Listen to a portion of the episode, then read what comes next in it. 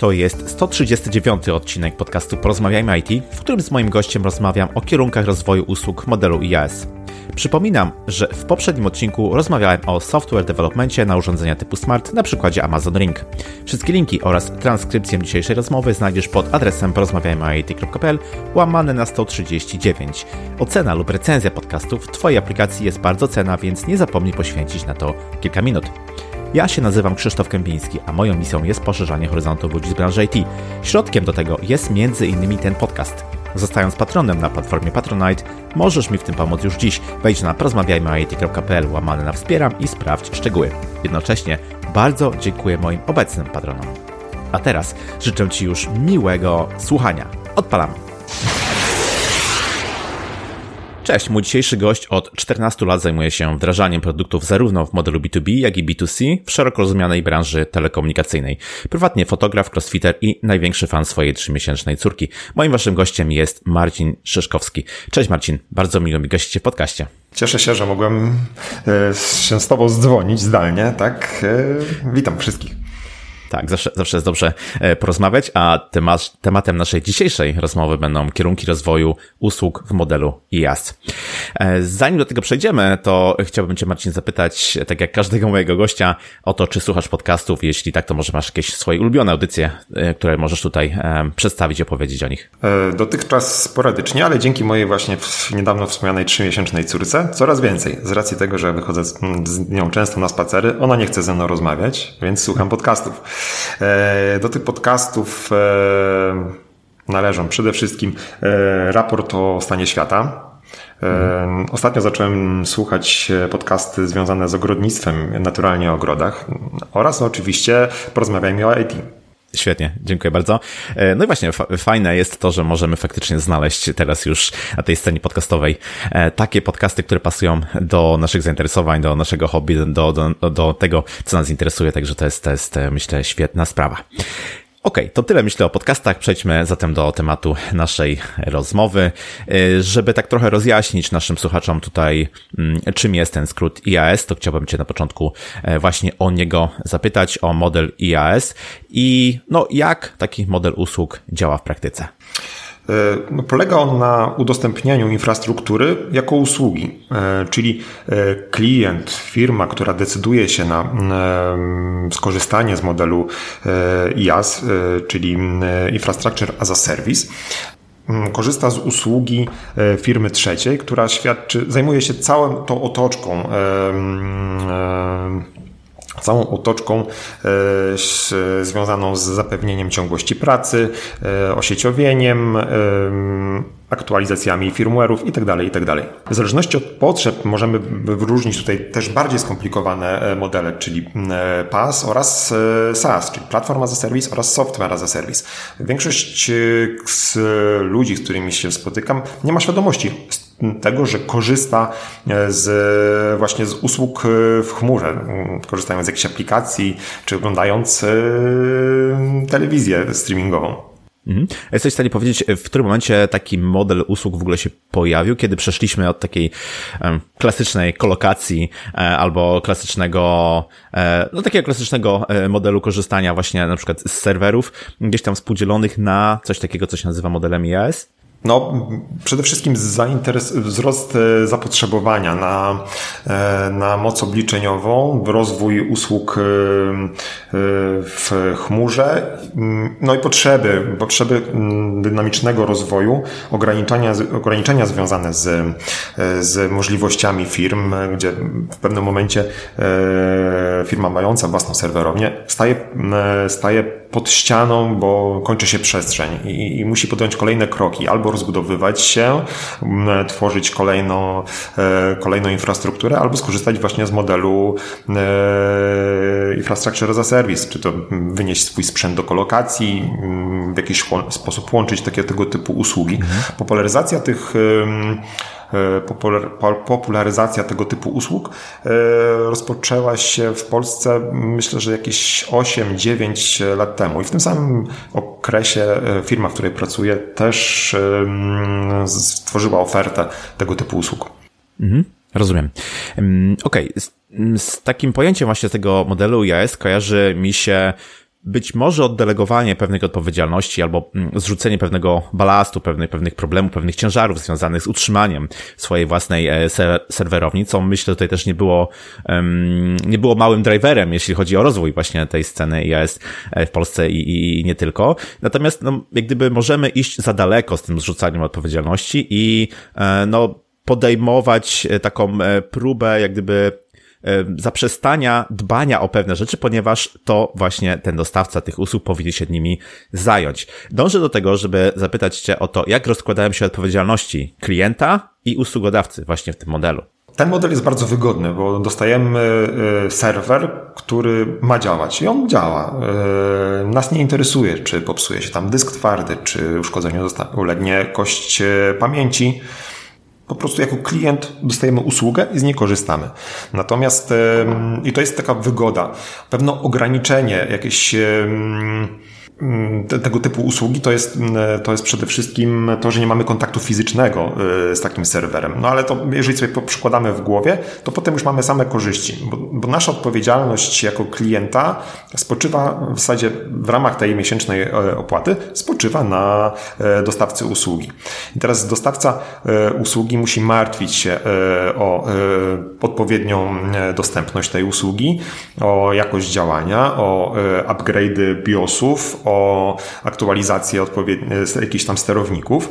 E, I wszystko w zależności od modelu, którym świadczymy taką usługę, bo możemy sobie wyobrazić e, e, tak, taki model, że klientowi udostępniamy serwer i klient się o wszystko martwi. Natomiast też mamy, często spotykamy takie rozwiązania jak zarządzanie tą infrastrukturą, tym serwerem, gdzie klient no, w zasadzie dostaje tak jakby platformę e, jako usługę. No ale to, to, to w zależności od oczekiwań, od możliwości klienta, od jego za, za e, zaawansowania w obszarze IT, e, mocy, mm, mocy, możliwości zasobów IT właśnie w jego firmie, no tutaj aspektów jest dużo. Tak samo jak dużo jest klientów, tak tych wariantów świadczenia takiej usługi jest tak dużo znasz.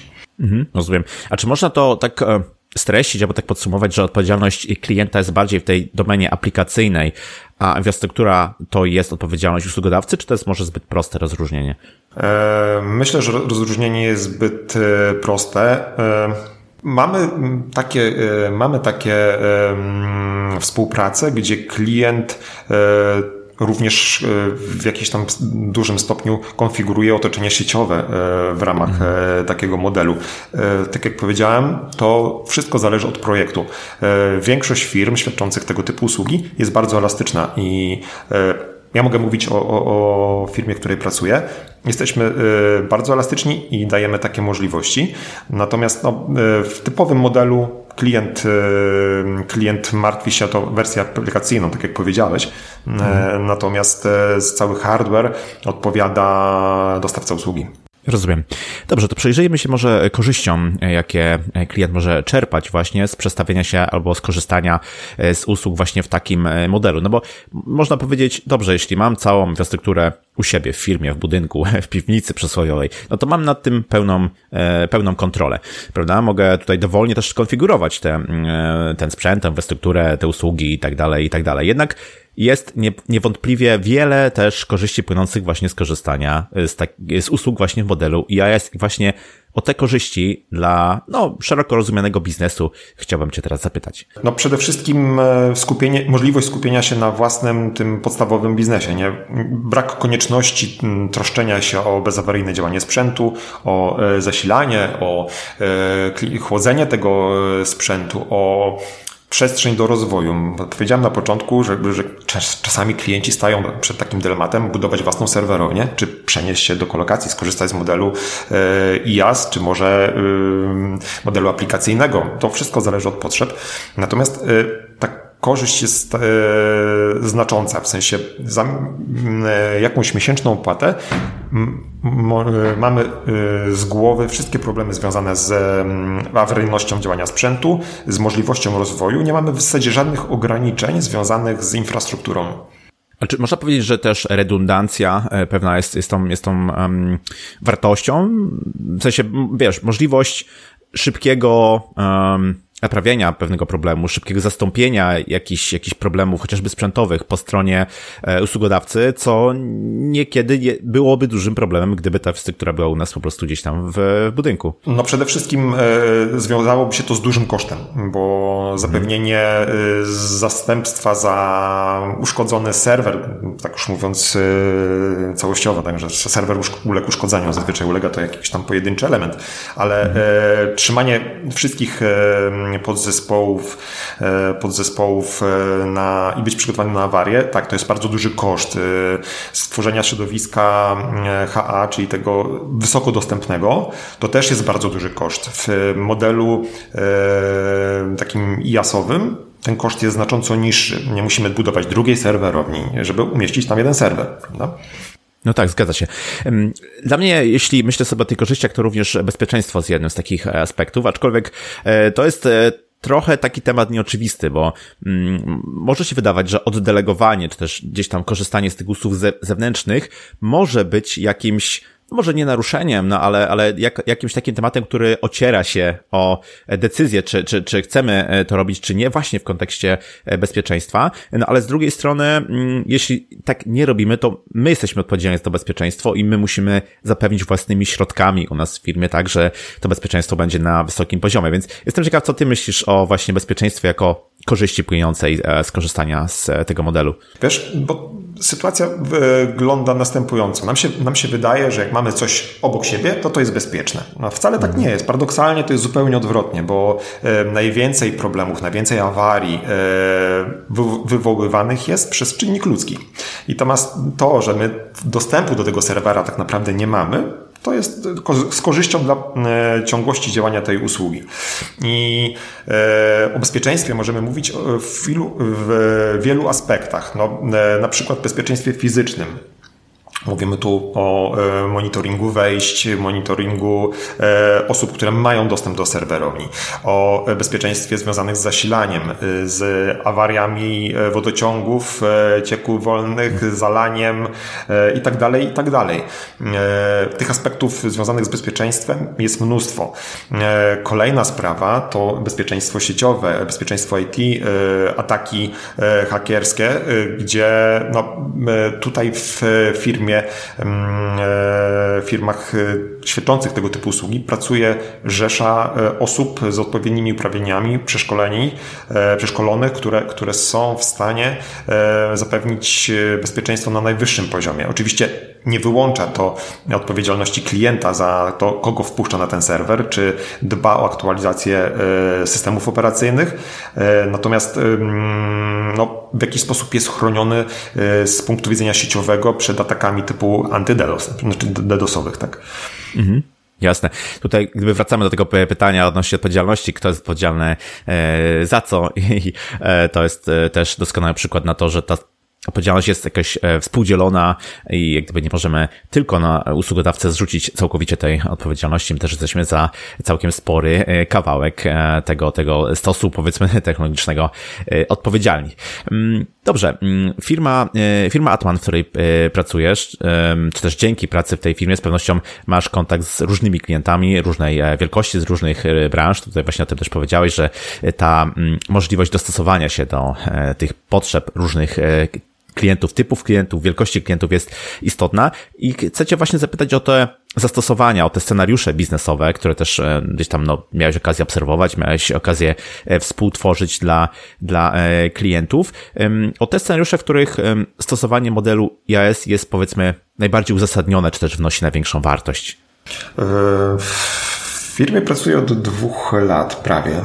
E, tych scenariuszy e, było tyle, że pewnie nie wystarczyłoby czasu naszej rozmowy. Mhm. Z racji tego, że staramy się do tych klientów podchodzić bardzo elastycznie i, i pomóc odwzorować ich istniejące środowisko, jak i stworzyć środowisko, które będzie spełniało ich oczekiwania, jeżeli to są jakieś nowe firmy, które mają jakieś oczekiwania oczywiście na starcie. Najbardziej uzasadnionym przykładem zastosowania takiego scenariusza współpracy w modelu jasowym, e, to bo, bo zaczynając od początku, model e, jakiś startupowy, gdzie firma stoi przed dylematem albo budowanie, tworzenie własnej serwerowni, e, gdzie istnieją potrzeby, jakiś, e, jakiś świadomość potrzeby e, zbudowania e, własnego zaplecza IT, czy, czy skorzystać właśnie z modelu e, dzierżawia, usługi dzierżawionej. I tutaj to taki no, od razu narzucający się, narzucający się model, gdzie, gdzie no, Decyzja jest w zasadzie prosta. Mm, mała, e, mała, e, mała bariera wejścia e, na starcie. Mamy niski koszt wejścia. Nie musimy inwestować na samym początku w mm, bardzo drogi i trudno dostępny sprzęt w tej chwili obecnej, tylko płacimy miesięczną opłatę, która no, rozłożona jest na długość kontraktu. Co więcej, mamy taką dużą elastyczność. E, elastyczność związaną z e, możliwością e, zwiększenia mocy obliczeniowej, kupienia kolejnej, kolejnego serwera, tudzież dołożenia pamięci RAM, zwiększenia pojemności dysków twardych. Więc mamy, mamy taką wolność, mm, gdzie firmom początkującym trudno jest przewidzieć, w którą stronę ich biznes pójdzie. Kolejny, kolejny taki przypadek mm, typowy to jest e, właśnie mm, sytuacja, w której firma e, staje przed koniecznością rozbudowy e, infrastruktury swojej infrastruktury, gdzie serwerownia ma określoną pojemność, albo nie wydala zasilanie, albo klimatyzacja już nie daje rady i, i no, trzeba coś z tym zrobić. Pojawia się właśnie taka koncepcja, aby przenieść to środowisko, albo część tego środowiska, e, zrobić sobie e, infrastrukturę zapasową w, właśnie w takim modelu. I często kończy się to tak, że wszystkie serwery lądują e, w naszych serwerowniach, czy to, w, czy to trafiają do, do kolokacji i, i firma też korzysta z jakichś tam dodatkowych serwerów w modelu IaaS-owym, E, czy też e, fragment infrastruktury, potem, potem kolejny krok, kolejny krok, kolejny rozwój. Trzeci model, najczęściej spotykany, e, z najczęściej spotykanych modeli, to jest, to jest tworzenie właśnie środowiska zapasowego, gdzie przetrzymujemy backupy, gdzie w razie awarii naszej podstawowej infrastruktury, którą mamy w naszej własnej serwerowni, korzystamy z zasobów w tych współdzielonych w jasie. Jasne. E, w tym modelu, w modelu IAS mówimy o infrastrukturze, e, no a dla infrastruktury niezbędne są urządzenia, które tą infrastrukturę budują. No jako branża mamy obecnie problem tego typu, że występuje niedosyt i duży brak półprzewodników na rynku i to problem jest nie tylko związany z serwerami, ale chociażby i z produkcją samochodów, która mm, widać, że też dostała gdzieś trochę rykoszetem i, i też te problemy odbijają się w branżach daleko poza E, natomiast chciałbym Cię zapytać właśnie, jak dostawcy e, usług. Radzą sobie z tego typu problemami, brakami mm, układów elektronicznych, serwerów i tak dalej. No, o, o, tych problemach z dostępnością podzespołów ja na swoim profilu LinkedInowym mówiłem już, pisałem już dużo, dużo wcześniej, zanim one pojawiły się w ogóle w branży samochodowej, tej motoryzacyjnej. E, ten problem wynika on od razu objawił się na samym początku pandemii. Otóż, e, otóż mamy sytuację, gdzie nagły, e, następuje nagły wzrost zapotrzebowania na moc obliczeniową, bo wszyscy nagle lądują w domach, bo pracują zdalnie, bo robią zakupy online i zapotrzebowanie na moc obliczeniową znacząco wzrosło. I to, to, to nie mówimy tylko o jakichś tam małych sklepach które, internetowych, które miały przeciążone strony internetowe i te sklepy wolniej działały, ale na przykład tacy tacy giganci jak Microsoft y, ze swoim e, aplikacją Teams też dostał mhm. czkawki. E, nie przewidzieli takiego skoku zainteresowania. E, na to wszystko nałożył się drugi aspekt, tudzież znaczy, mamy tutaj problem z, z zachwianiem łańcucha dostaw. Mhm. To wszystko spowodowało, że, że nagle podzespoły y, są y, trudno dostępne, y, komponenty do samochodów są trudno dostępne, ponieważ są, produkcja ich skupiona jest w jednej części świata, robią to w zasadzie trzy czwarte produkcji to są trzy firmy, no i, i tutaj mamy efekt tego wszystkiego. Natomiast jak sobie radzą takie firmy jak Atman? No przede wszystkim skala biznesu. Duży stok magazynowy, mm, który posiadamy, tworzymy, e, tworzymy zapotrzebowania e, na podstawie predykcji, e, na predykcji na zainteresowanie, zainteresowanie naszych klientów. Mniej więcej wiemy, jak ten biznes się rozwija, obserwujemy nowinki techniczne, wiemy, co w perspektywie 3, 4, 5 miesięcy będzie się działo na rynku IT. No więc w związku z pandemią musieliśmy ten okres predykcji wydłużyć. Zamiast pół roku to zrobiliśmy e, trzy czwarte roku. Mhm. Oczywiście zdarza się taka sytuacja, że klient przychodzi i ma jakieś um, wysublimowane um, oczekiwania, że potrzebuje jakichś konkretnych podzespołów, których my nie mamy w swoim stoku magazynowym, e, których nie zamawialiśmy e, w przyszłości, jeszcze, w przeszłości jeszcze i w przyszłości też nie były zamawiane na przyszłość, tak, na ten, e, na kolejne kwartały. No i co w takim wypadku? Co się w takim wypadku dzieje? Klient dostaje informację, OK, e, czekamy na kartę sieciową rok bo mhm. jest to jakaś e, bardzo szybka, wyjątkowe, wyjątkowe rozwiązanie. E, więc firmy wychodzą z taką propozycją, że e, oferujemy Państwu rozwiązanie tymczasowe, które będzie spełniało część, być może zadresuje część potrzeb, natomiast pozwoli świadczyć usługę do momentu, gdy dotrą docelowe komponenty. Tych takich możliwości współpracy jest sporo. I tutaj to, no, staramy się w jakiś sposób przeciwdziałać e, tym problemom z dostępnością. Raz, przede wszystkim duży stok magazynowy, dwa, e, zwiększenie tej predykcji zamawiania sprzętu, dwa, oferta tymczasowa. Zastanawiam się, czy dla tych, którzy budowali te zasoby infrastrukturalne u siebie, to czy ten model IAS nie jest jakimś remedium, czy jakimś sposobem właśnie w tym momencie na radzenie sobie e, z tym brakiem e, dostępności e, podzespołów serwerowych, czy mimo wszystko właśnie ci prowajderzy, czy ci usługodawcy, którzy ten stok mają, no są w stanie powiedzmy na przynajmniej jakiś czas do przodu zapewnić te usługi, co nie jest już takie łatwe, jeśli faktycznie chcemy to robić samemu. Jak ty to odbierasz? No, przede, na pewno jest, na pewno jest to e, remedium na mm, ten problem. Raz, że sam IAS to jest, e, znaczy polega na reużywalności części, e, że to, mhm. to, to, to e, części, które były używane w, serwer, w jednym serwerze, po zakończeniu kontraktu trafiają, mogą trafić do innego serwera, czyli mamy reużywalność. Tutaj też pojawia się ten aspekt ekologiczności, tak, że w mhm. momencie, gdy e, jakaś firma rezygnuje ze serwera, musi się troszczyć o to, żeby go sprzedać w jakiś sposób zutylizować te, te komponenty, natomiast e, tutaj one trafią ponownie do obiegu.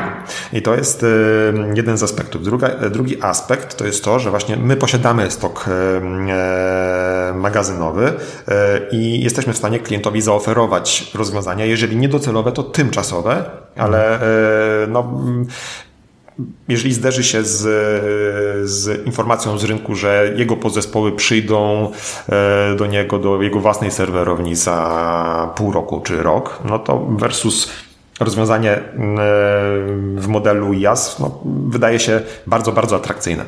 Bo w ogóle jest. No właśnie, właśnie chciałem powiedzieć, że to jest tak trochę zero-jedynkowo.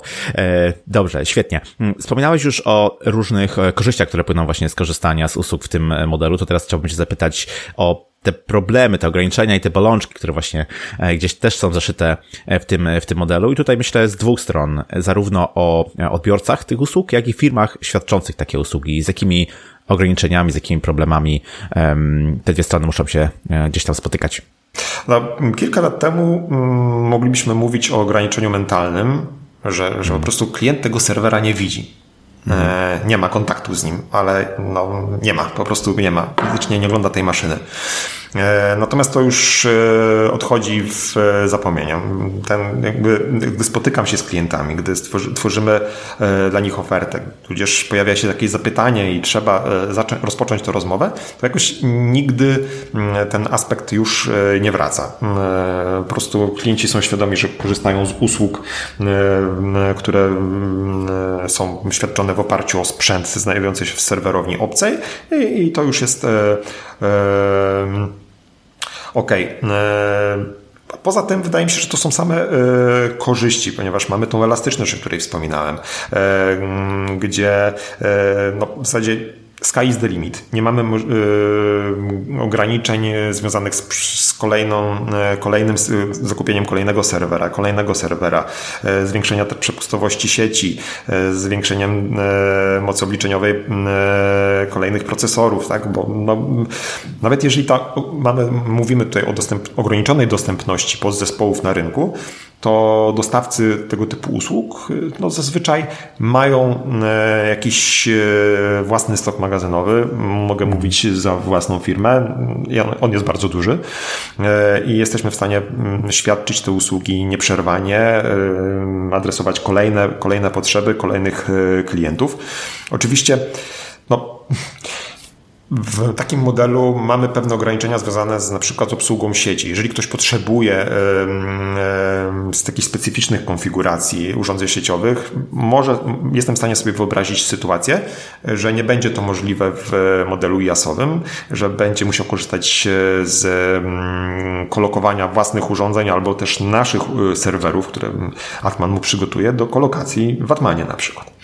E, druga strona medalu, czyli perspektywa, e, perspektywa dostawcy usług, e, to przede wszystkim ogromna odpowiedzialność. E, odpowiedzialność i konieczność przewidywania problemów, które mogą się pojawić z infrastrukturą tą udostępnianą klientowi. Bo klienci często sobie nie zdają sprawy z tego, że, że to urządzenie może przestać działać, że może przestać, nawet jeżeli te data center, w którym one są skolokowane, ma czas dostępność na poziomie 99, 99, 99, 99%, to dalej mogą, e, może się zdarzyć coś. Podając e, propozycję współpracy, e, czy ofertę takiemu klientowi, musimy pomyśleć, co, on czego on potrzebuje, co się może wydarzyć, że to przestanie działać, w którym miejscu coś może pójść nie tak staramy się przygotować taką ofertę kompleksowa, kompleksową, dowiadywać się, jak bardzo e, ten jego biznes jest, e, ta część, która będzie znajdowała się na tych serwerach, jest dla niego ważna z punktu widzenia jego firmy, jego przychodów itd., tak itd. Tak i zeskalować tak to rozwiązanie, żeby raz sprostać jego oczekiwaniom, dwa nie zabić go ofertą cenową, mhm. bo niestety jakość kosztuje. No oczywiście.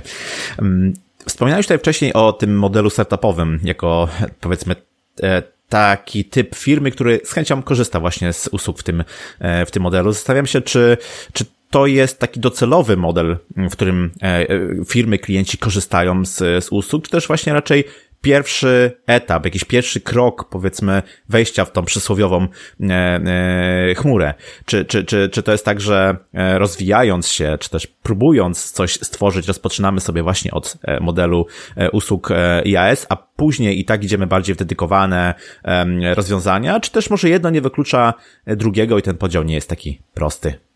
Z mojej perspektywy osoby, które zajmuje się serwerami dedykowanymi, to te serwery dedykowane są najbardziej optymalnym rozwiązaniem. E, ze względu nawet aspektów finansowych. E, one są e, tak analizując wszystkie koszta, e, one są najtańszym rozwiązaniem.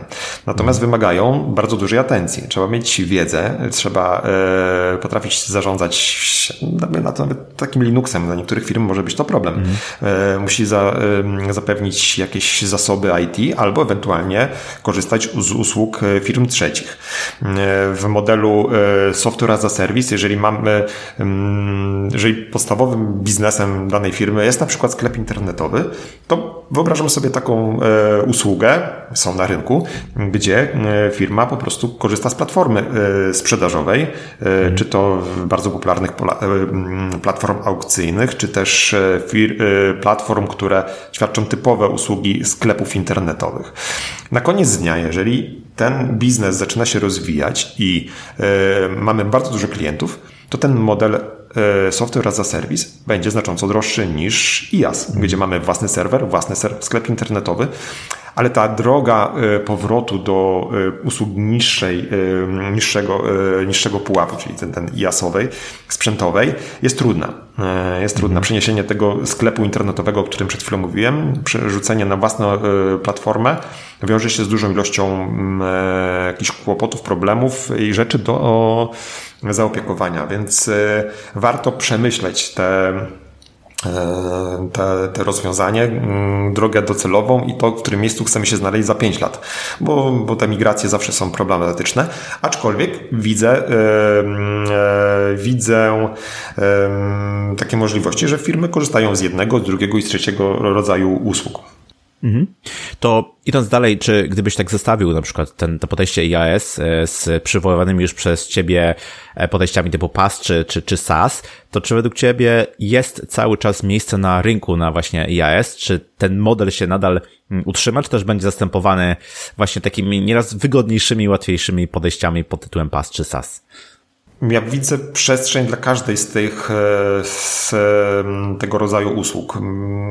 Każdemu wedle potrzeb, bo no nie, nie wyobrażam sobie, żeby e, w chwili obecnej e, model aplikacyjny został wyłączony, żeby on znikł. Tak samo jak z ten model jasowy nie przestanie istnieć, bo te firmy, które świadczą usługę typu SaaS, świadczą to na jakimś sprzęcie. Zazwyczaj jest to na przykład IaaS.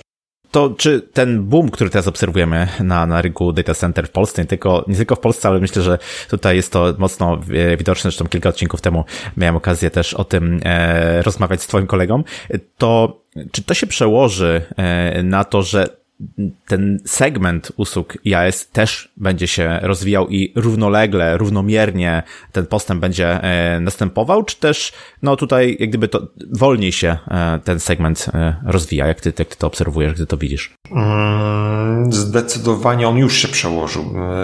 Widzę znaczący wzrost ilości klientów, znaczące mm, wzrost zapotrzebowania na moc obliczeniową, liczne upgrade'y sprzętu. To się zbiegło w czasie właśnie z startem pandemii, a być może y, z tym, że właśnie dołączyłem do teamu Atmana. Nie wiem, czy to przypadek, nie sądzę. Natomiast y, tak na poważnie, to y, mamy widoczny, znaczący wzrost zainteresowania tego typu usługami. Tak jak powiedziałem, wśród nowych klientów, ale również aktualnych, którzy upgrade'ują moc obliczeniową. Co też jest znaczące, to wraz z pandemią nasilił się, nasiliła się ilość e, ataków e, hakerskich. Mhm. I e, dużo firm odczuwa potrzebę zwiększenia bezpieczeństwa i też Pojawiają się zapytania o backup danych, o, o środowiska zapasowe, które będą umożliwiły świadczenie usług HA. Oczywiście to się wiąże z większym kosztem. Natomiast warto, warto pomyśleć o tym, czy yy, rezygnacja z jakiejś dodatkowej opłaty yy, nie będzie wiązała się z, w kryzysowej sytuacji z utratą e, bardzo dużej części przychodów. No tak. Jak gdyby tak spojrzeć jeszcze szerzej, gdyby spojrzeć tak e, długofalowo na ten okres pandemii, ale i dalej, to jakie kierunki rozwoju tego rynku serwerowego już tak szerzej biorąc ty widzisz? Tutaj e, myślę, że duży wzrost, e, wzrost zapotrzebowania na moc obliczeniową pochodzi z rozwoju sieci komórkowej, e, z szeroko udostępnionego szerokiego pasma do internetu w sieci 5G, internet przedmiotów, i to ta, ta rewolucja, która się rozpoczęła jakiś czas temu, ona wiąże ze sobą, niesie ze sobą konieczność przetwarzania większej ilości danych. Dajmy na to, lepszy aparat w telefonie powoduje, że przesyłamy większą ilość zdjęć. Jeżeli tutaj sprawa dotyczy jednego użytkownika, to nie ma problemu. Natomiast tych lepszych telefonów komórkowych jest więcej. I taki mhm. Facebook, który, który zwiększa rozdzielczość swoich zdjęć na portalu społecznościowym tak o, o parę, parę set pikseli, powoduje, że nagle wzrost na moc obliczeniową znacząco wzrasta. Rozwój platform, e, rozwój treści multimedialnych na stronach internetowych powoduje, że e, ilość rdzeni w serwerach e, znacząco rośnie i to rośnie wykładniczo gdy przychodziłem e, do Atmana i zaczynałem, e, konfigurowałem jakieś e, zestawy, to, to, to na początku te najniższe, najczęstsze zapytania to były o rozwiązania ośmiokorowe. Natomiast w tej chwili coraz więcej pojawia się 64, 32-korowych, mhm. więc, więc moc obliczeniowa znacząco rośnie. Przede wszystkim obróbka obrazów, obróbka wideo i zaangażowanie dużej ilości kart graficznych. Mhm ten moc, e, zapotrzebowanie na moc obliczeniową rośnie w bardzo szybkim tempie i tutaj widzę znaczący e, kierunek e, rozwoju. Ten, ten, te zapotrzebowanie na ilość korów albo też na serwery GPU w najbliższym czasie myślę, że będzie bardzo istotnie rosła. Rozumiem. Marcin Szyszkowski z firmy Atman był moim gościem, a rozmawialiśmy o kierunkach rozwoju usług w modelu iOS. Marcin, bardzo Ci dziękuję za rozmowę. Dziękuję bardzo. Było mi bardzo miło uczestniczyć w Twoim podcaście. Przyjemność po mojej stronie. Na koniec powiedz proszę, gdzie Cię można znaleźć w internecie. No przede wszystkim warto obserwować mój e, profil na LinkedIn, gdzie dzielę się z nowościami z segmentu serwerów dedykowanych e, szeroko pojętej branży IT. Świetnie, oczywiście link będzie w notatce do odcinka. Z mojej strony jeszcze raz bardzo dzięki i do usłyszenia. Cześć. Dziękuję. I to tyle z tego, co przygotowałem dla Ciebie na dzisiaj. Rozwój usług chmurowych i boom na rynku data center w Polsce to też niewątpliwy rozwój usług Infrastructure as a Service. Dają one możliwości korzystania ze skalowalnej infrastruktury IT, redukując przy tym koszty rozbudowy i utrzymania własnych zasobów. Jeśli ten odcinek był dla Ciebie interesujący i przydatny, oddzięcz się proszę recenzją, oceną lub komentarzem w social mediach. Jeśli masz jakieś pytania, pisz śmiało na krzysztof małpa Zapraszam też do moich mediów społecznościowych. Ja się nazywam Krzysztof Kępiński, a to był odcinek podcastu Porozmawiajmy IT o kierunkach rozwoju usług modelu IAS. Zapraszam do kolejnego odcinka już za tydzień. Cześć!